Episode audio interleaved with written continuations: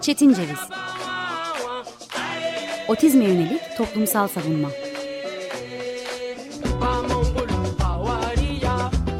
Hazırlayan ve sunan Deniz Yazgan Zorlu Holding Sürdürülebilirlik Platformu Akıllı Hayat 2030, herkes için daha yaşanabilir bir dünya diler.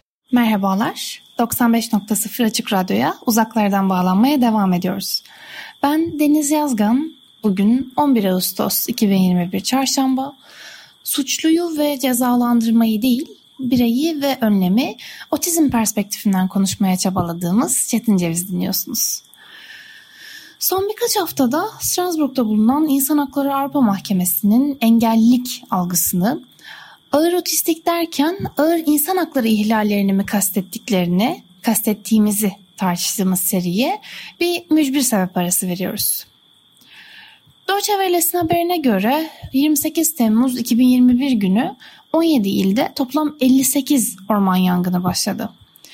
Antalya, Adana, Kayseri, Mersin, Muğla, Kütahya, Osmaniye ve son günlerde aldığımız haberlere göre e, Karadeniz bölgesinde ve İstanbul'da Sarıyer'de devam eden, başlayan birden fazla bölgede çıkan yangınların bir kısmı kontrol altına alınabilmişken büyük bir kısmı paralellere, ilçelere sıçrayarak kontrol edilemez bir hal aldı.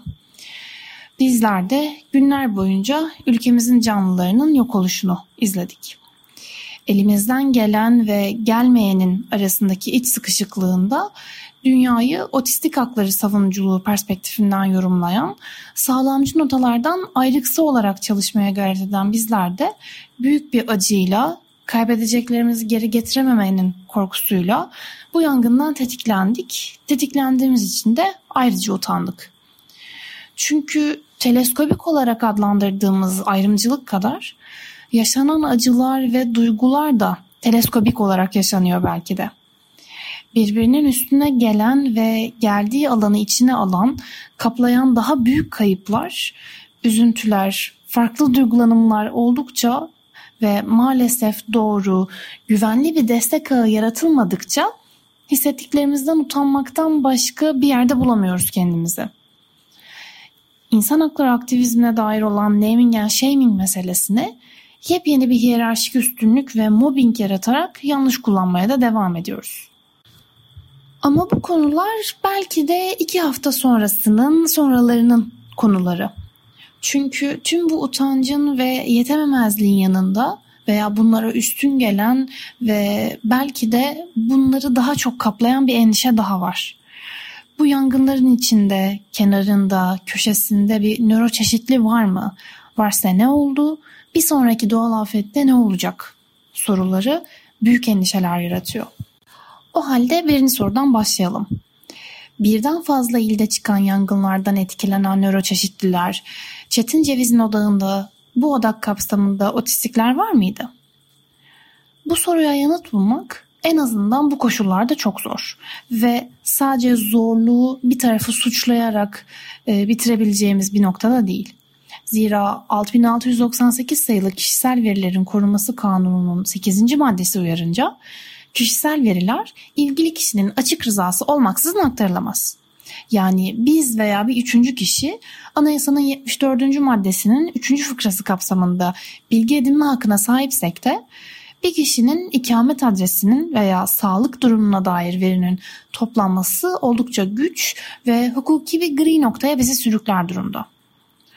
Türkiye'de kaç otistik var sorusuna yanıt bulabilmekten tutunuz da Türkiye'deki yangınlardan kaç otistik etkilendi sorusuna yanıt bulabilmek sistemli bir çalışma gerektiriyor. Türkiye'de bu çalışmayı sürdürebilmek ise kamu kurum ve kuruluşları ile uzun ve meşakkatli protokolleri gerçekleştirmeden mümkün değil.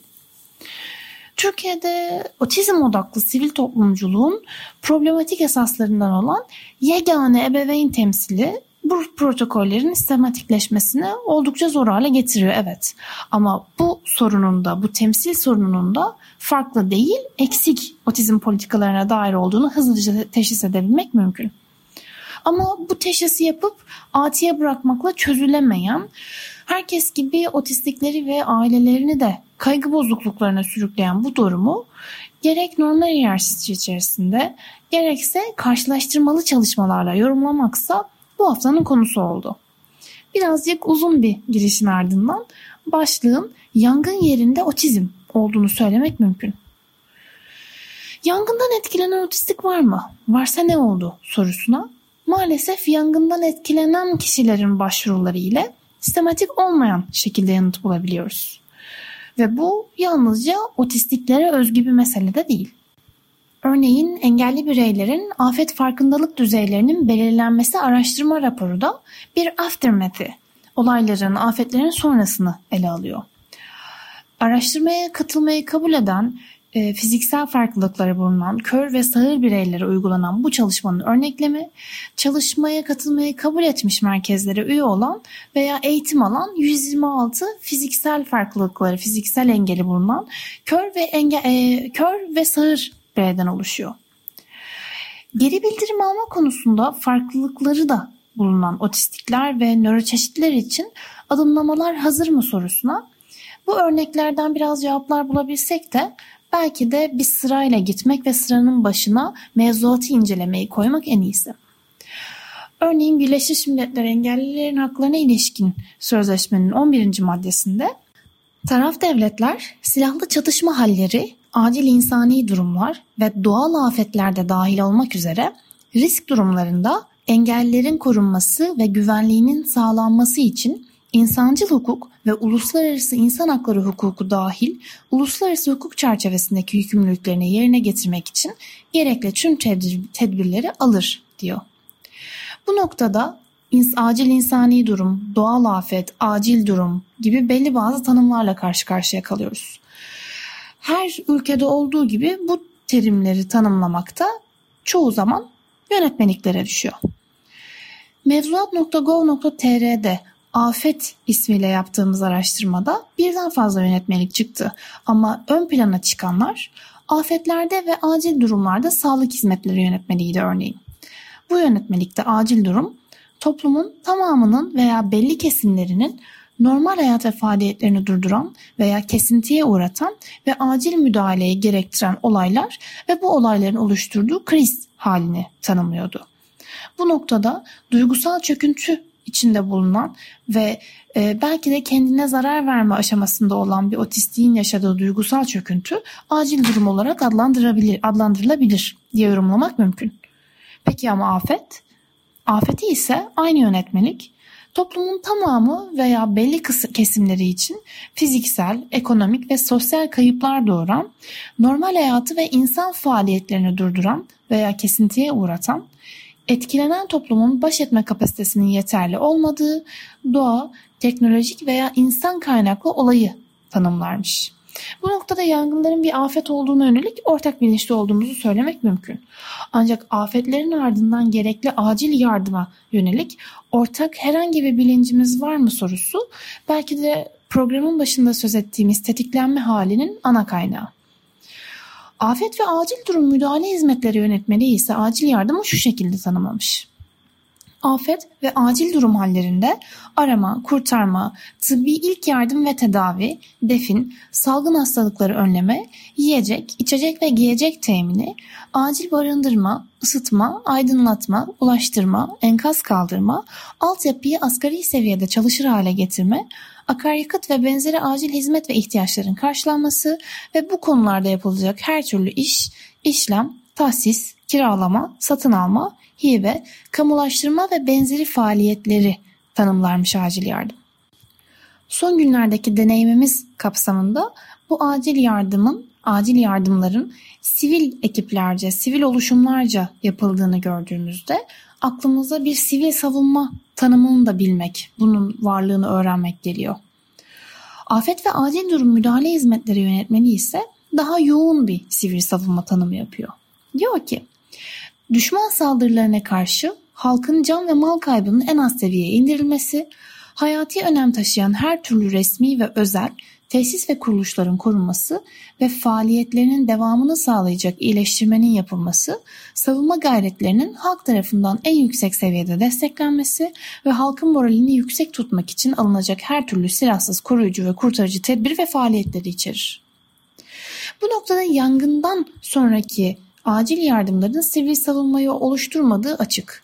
Eğer bu bir düşman saldırısı olarak tanımlanmıyorsa çıkarılan yangın. Tüm bu tanımların ardından ve içinde belki de otistiği, genel olarak engelliyi ve nöroçeşitliği aramak biraz daha zor hale geliyor. Çünkü e, kontrol F ile araştırma yaptığımızda, hızlı bir araştırma yaptığımızda yönetmeliklerin içerisinde eski tanımıyla özür ya da özürlülük yeni e, adıyla engel veya engelliğin geçmediğini en azından engellilik bağlamında engel kelimesinin geçmediğini görmek bir bakıma tedirgin edici. Belki de bu noktada mevzuatı oluşturanların engelliye yönelik, engelli bireye yönelik acil durum müdahale hizmetini tanımlamalara yani aslına bakarsak literatüre bıraktığını düşünebiliriz. Hasan Atacan Tonak ve Ali Kidiş'in deprem ve yangın afetlerinde engelli anlatımsal bir derleme eserinde zihinsel engelli bireylere yönelik de bir anlatım gerçekleştirilmiş. Nöroçeşitliliği ve otizmin bir kısmını zihinsel engellilik olarak yorumlamak mümkün mü değil mi tartışmasında eşlik eden farklılıkları içine alırsak eğer bu derlemeyi dikkate almak mümkün. Çünkü derleme der ki Zihinsel engelli bir bireyin tahliyesi önemlidir. Kapının arkasında yangın olma ihtimaline karşı kapıyı kontrol etmeli ve güvenli ise dışarı çıkarılmalıdır. Yoğun duman varsa emekleyerek çıkışa ilerlemesi gerektiği öğretilmelidir. Deprem ve yangın sonrasında tahliye sürecinde yardıma ihtiyacı olan engelliler sadece yukarıda bahsedilenler değildir. Aynı zamanda bilişsel ve gelişim bozuklukları, obezite, multiple skleroz, Down sendromu, depresyon, alkolizm, Alzheimer hastalığı, kalp hastaları, Parkinson hastaları, travmatik beyin yaralanması, kronik yorgunluk sendromu, inme ve bazı psikiyatrik durumlardaki insanlar veya anlama yeteneği azalmış veya bozulmuş kişilere güvenli bir bina tahliyesi içinde yardımcı kişiler gereklidir. Bu noktada bu derlemenin neyin gerekli olduğunu açıkladığını görüyoruz. Bu değerlendirmenin neyin gerekli olduğunu açıklaması belki de bir başlangıç için önemli.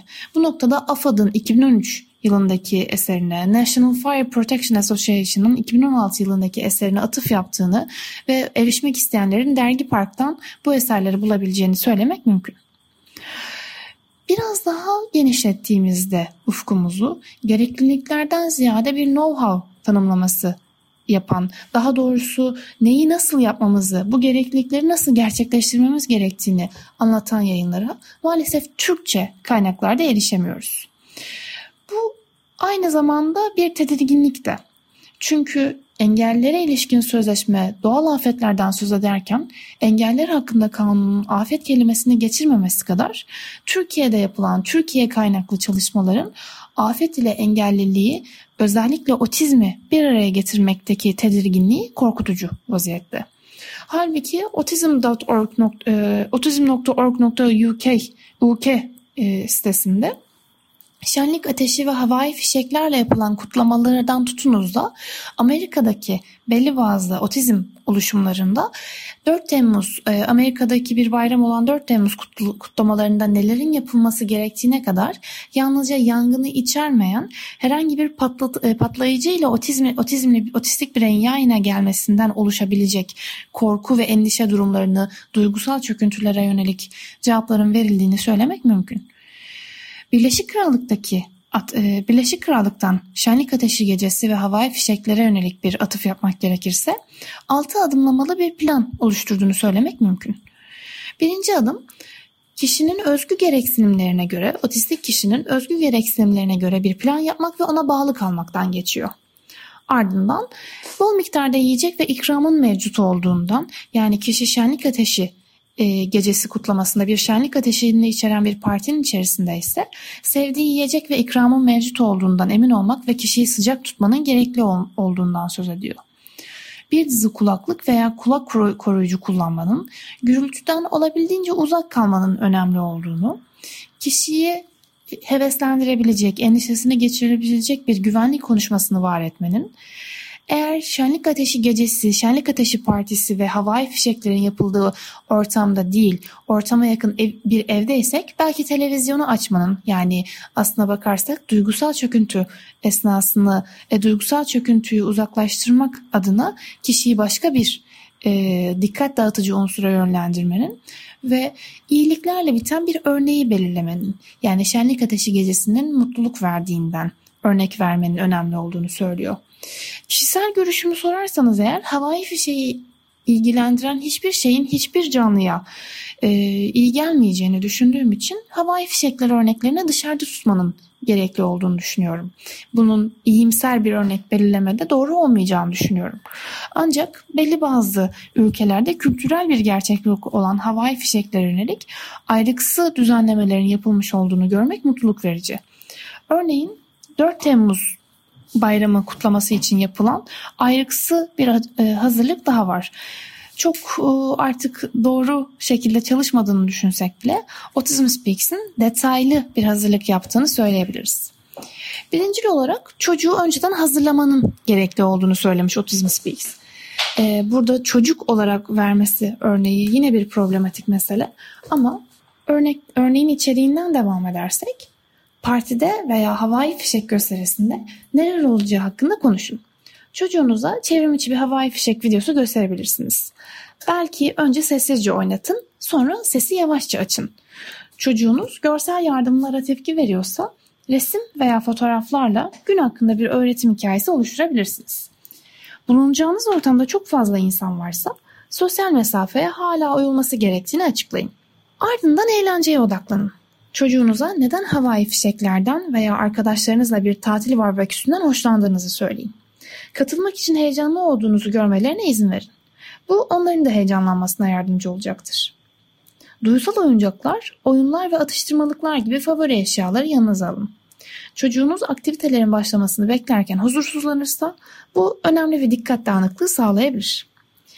Sevdiği bir battaniye, havlu veya sandalyeyi yanınızda getirerek çocuğunuz için kendi olan özel bir alan yaratın. Tanımlanmış bir alan yaratmak otistik bir çocuğun daha rahat hissetmesine yardımcı olabilir. Kulaklık getirmeyi düşünün. Hepimizin bildiği gibi havai fişekler birçok duysal uyarıyı tetikleyebilir. Ayrıca ekrandan biraz uzakta oturmayı da düşünün. Renkli patlamaları hala görebileceğiniz ancak yoğun gürültülerin olmadığı bir yerde. Çocuğunuzun partiye veya gürültüye nasıl ara vereceğini bildiğinden emin olun. Çocuğunuz sözel bir kişi ise sadece bir hatırlatma ihtiyacı olabilir. Bununla birlikte otistik birçok çocuk görsel yardımlarla en iyisini yapar. Örneğin çocuğunuza stimülasyona ara vermeye ihtiyaç duyduğunda size vermesi için özel bir kart verin. Kendi iletişim kartlarınızı oluşturmaya ilişkin bir kendin yap videosu izleyin. Güvenliğin bir öncelik olduğundan emin olun. Amerikan Pediatri Akademisi'nden 4 Temmuz'da güvende kalın videosuna göz atın. Toplum içindeyken sosyal mesafe kuralına uyun ve kendinizi ve başkalarını korumak için maske takın. Çocuğunuzun duysal sorunları varsa bu videolar yardımcı olabilir. Oldukça üstencil ve sağlamcılık notalarını her e, Autism Speaks anlatımında olduğu gibi taşıyan bu e, adımlamalardan da iyiliği ve olumlu yanı çıkarmaya gayret etmek iste- istiyorum. Bu noktada belki de e, Birleşik Krallığın anlatımında olduğu gibi kişiyi çocuk ve dikkat dağınıklığına sürüklemek gibi anlatımlardan ziyade e, bu olumlu yönlerden örneğin kişiyi koruyacak önlemlerden birkaç doğru örneği alıp diğer örneklerle devam etmek istiyorum.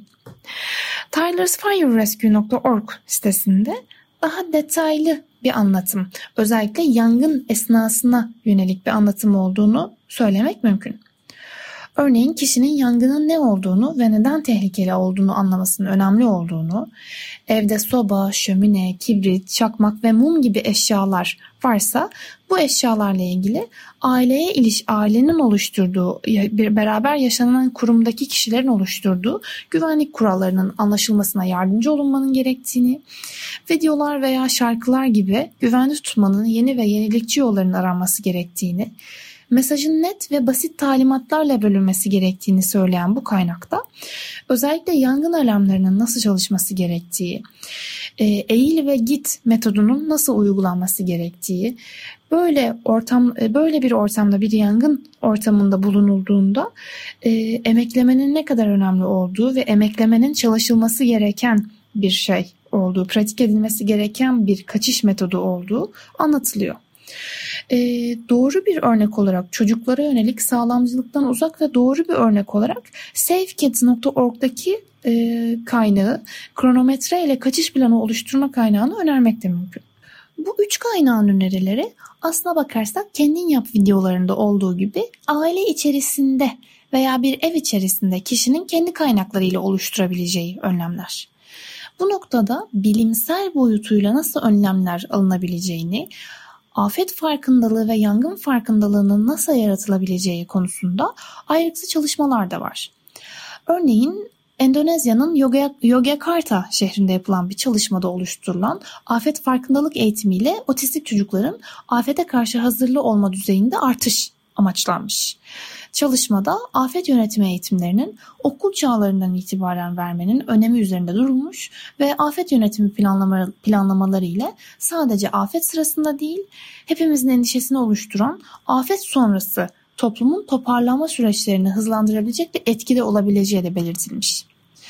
Bununla beraber sanal gerçeklik, VR teknolojisinin kullanılarak otistik bireylerin, çocukların, e, hem çocukların hem yetişkinlerin e, bu teknolojinin kullanılarak bir afete karşı hazırlıklı olmaları sağlanmaya da çalışılmış.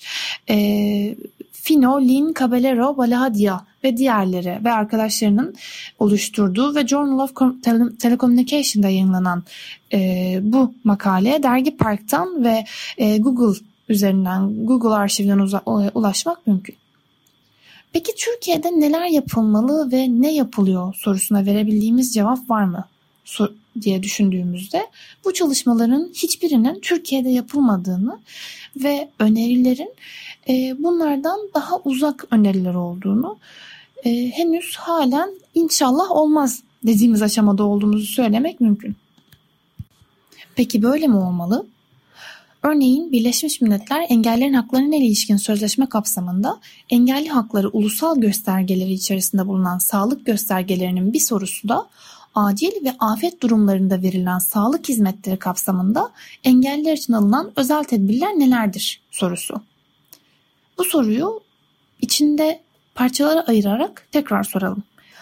Acil ve afet durumlarında verilen sağlık hizmetleri kapsamında engelliler için alınan özel tedbirler nelerdir? Otistikler için alınan özel tedbirler nelerdir? Örneğin korktuğundan veya alışkanlığından dolayı evinden çıkmak istemeyen, ölüm algısı tipik biçimde gelişmemiş bir otistik birey için neler yapmak gerekir? Bu soruların cevaplarını halen ve halen yabancı kaynakları Türkçe'ye çevirerek, bu Türkçe'ye çevirdiklerimizde örneğin her evde yangın alarmı bulunmaması, yangın dedektörlerinin bir lüks olması gibi büyük sorunlarla sadece bir çeviri sorunundan öte yaşam farklılıklarıyla içinde kaybolduğumuz katmanlarda bulabiliyoruz. Bu sorulara vereceğimiz cevap en başında söylediğimiz gibi farklı değil eksik otizm politikalarının içerisinde.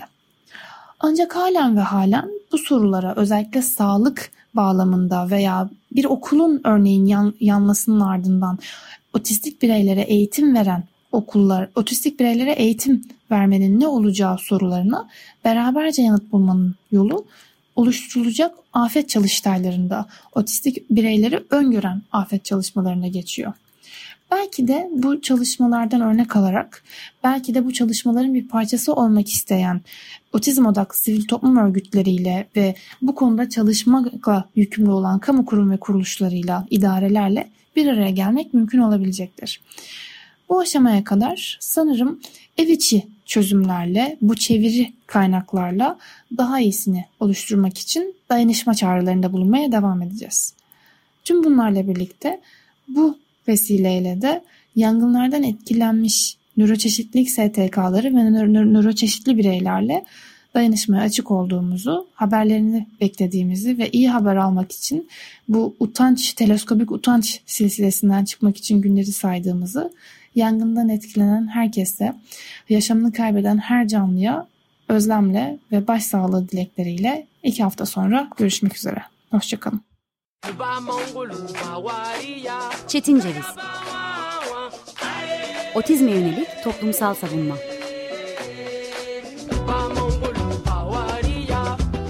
Hazırlayan ve sunan Deniz Yazgan.